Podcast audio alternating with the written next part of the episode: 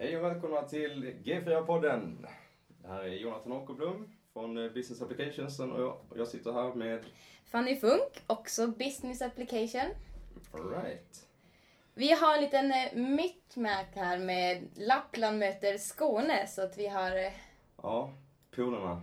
polat här i Stockholm. Så du eh, är uppvuxen i... I Kiruna kommer jag ifrån ursprungligen. Men eh, jag har pluggat i Linköping, en utbildning som heter kommunikation och transportsystem.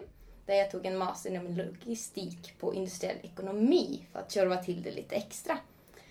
Du då Jonathan, är vart lite, kommer lite du samma ifrån? sak fast på andra sidan poolen som sagt. Ja, Uppvuxen i Skanör Falsterbo. Eh, tog mig hela fem mil till Lund för att plugga där då. Eh, industriell ekonomi fast också logistik och IT. Så, ja, kul. Eh, ja.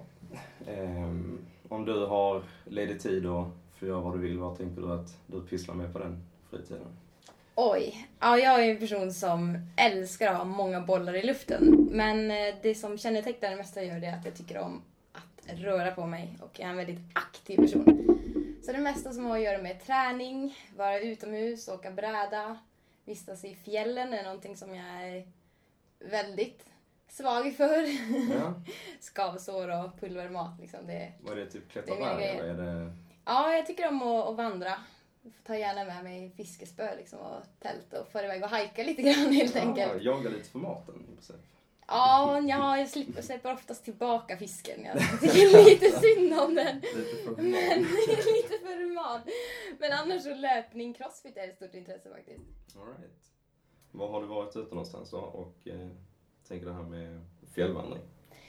Jag har varit mycket, vi har en fjällstuga uppe i Abisko mot den norska gränsen. Så att mycket där kring har varit. Men sen också kring Kungsleden, Nikkaluokta, Kebnekaise. Det är ju hemmatrakter så det är ju nära att ta sig dit. Är du ensam då? Eller Nej, nej. Till det hör att jag är ganska social så att jag får helst inte iväg ensam. Vad gör du Jondan om du får välja Eh, jag har väl nämnt det här som min eh, trait för de flesta och att jag helst vill lägga den lediga tiden jag har på att syssla med olika eh, ha- hantverk där jag får jobba med händerna. Och det kan ju vara egentligen allt ifrån renoveringsgrejer till eh, ja, med olika hobbyhantverk. Och ehm, jag vet inte, helst hade jag velat göra lite mer om jag faktiskt lägger tid på det nu på min fritid. Men eh, ja. Vad är det för typ av grejer som du gör då? Ehm, ja men det kan ju vara vanligt snickeri liksom. Senast så gjorde jag ju, eller det inte senast, men jag tycker det är kul att berätta eh, om ehm, en sminkspegel jag byggde till eh, min flickvän. En sån här med lampor på? Precis. Nice. Som eh, jag ångrar lite att jag byggde för att eh, det är lite för starka lampor så. Ser alla skavanker eller? Ja nej, men det, det, det blir som en flygplats på morgonen i princip. Så eh, jag ångrar det. Men ja, jag vet inte, halva grejen är väl själva planerandet i det. Jag tycker det är det som är det roliga. Skissa och sen genomföra planen. Alltså vi har ju börjat här på Forefront som är väldigt eh, ja, men nystartat företag och det är väldigt mycket värderingar och man känner att det finns en kärna i det här företaget. Om du fick beskriva Forefront med ett ord, vad skulle du... Så jag satt och tänkte lite på den eh, igår. Eh, först så började jag tänka på samhörighet och gemenskap men jag ty- tyckte inte de passade eh, så bra just i det jag ville komma åt. Jag tänkte mer på eh, vi-känsla. Mm. Att man utstrålat väldigt tydligt att det vi gör är utifrån eh, en gemensam ambition. Alltså att alla resultaten vi uppnår är tillsammans. Så, ja, jag vet inte. Vad har du tänkt på? Alltså jag var också inne mycket på det här med tillsammans. Det var verkligen en, en värdering som fastnade hos mig. Men eh, sen ett ord som jag också förknippar med Forefront är nyfikenhet. Mm. Och det kommer ju in mycket med tillsammans. Jag tycker om den här röda tråden, att vi jobbar tillsammans, men också nyfikenhet. Vad kan vi göra med den kompetensen som vi har i företaget? Mm. Och eh, våga liksom testa på nya lösningar och kombinera olika kunskaper. Mm. Det tycker jag känns väldigt spännande. Jag håller med. Alright, en lite roligare fråga kanske. Um, vilken möbel tycker du är snyggast på kontoret? Alltså snygga... Mhm. Nej, jag måste säga flipperspelet. det går Ja. helt klart in på inredning för mig. Den, som, jag, jag fastnar på flipperspelet. Ja, jag kan hålla med om att det är eh, en möbel.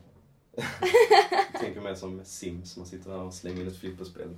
ja, precis. Ja, jag säger nog faktiskt eh, Chesterfield-fåtöljerna. Mm. Jag är en riktig sucker på det temat. Tycker det är riktigt, riktigt häftigt. Ja, de är riktigt fina. Ehm, men eh, hade det inte känts som en total tabu att somna där så hade jag nog satt mig där lite oftare. Man sitter ruskigt skönt i dem alltså. Ja, jag får se hur det blir i framtiden. Alltså vi har ju träffat många kollegor nu under våra första två veckor. Vi har ju lite den turen som trainees, att det är många som kommer och vill hänga med oss under vissa föredrag och sådär. Mm. Av de som vi har träffat, om du fick välja, skulle du kunna tänka dig att vara någon av dem för en dag? Ja, det finns många du vet vara. Ehm, herregud. Jag vet inte. Jag tycker att jag, jag tror faktiskt att jag har valt eh, Christopher Ågren. Mm. Han känns eh, riktigt skarp. Eh, Så det hade nog kunnat vara en eh, intressant kandidat. Jag vet inte hur du känner. Du skulle valt någon...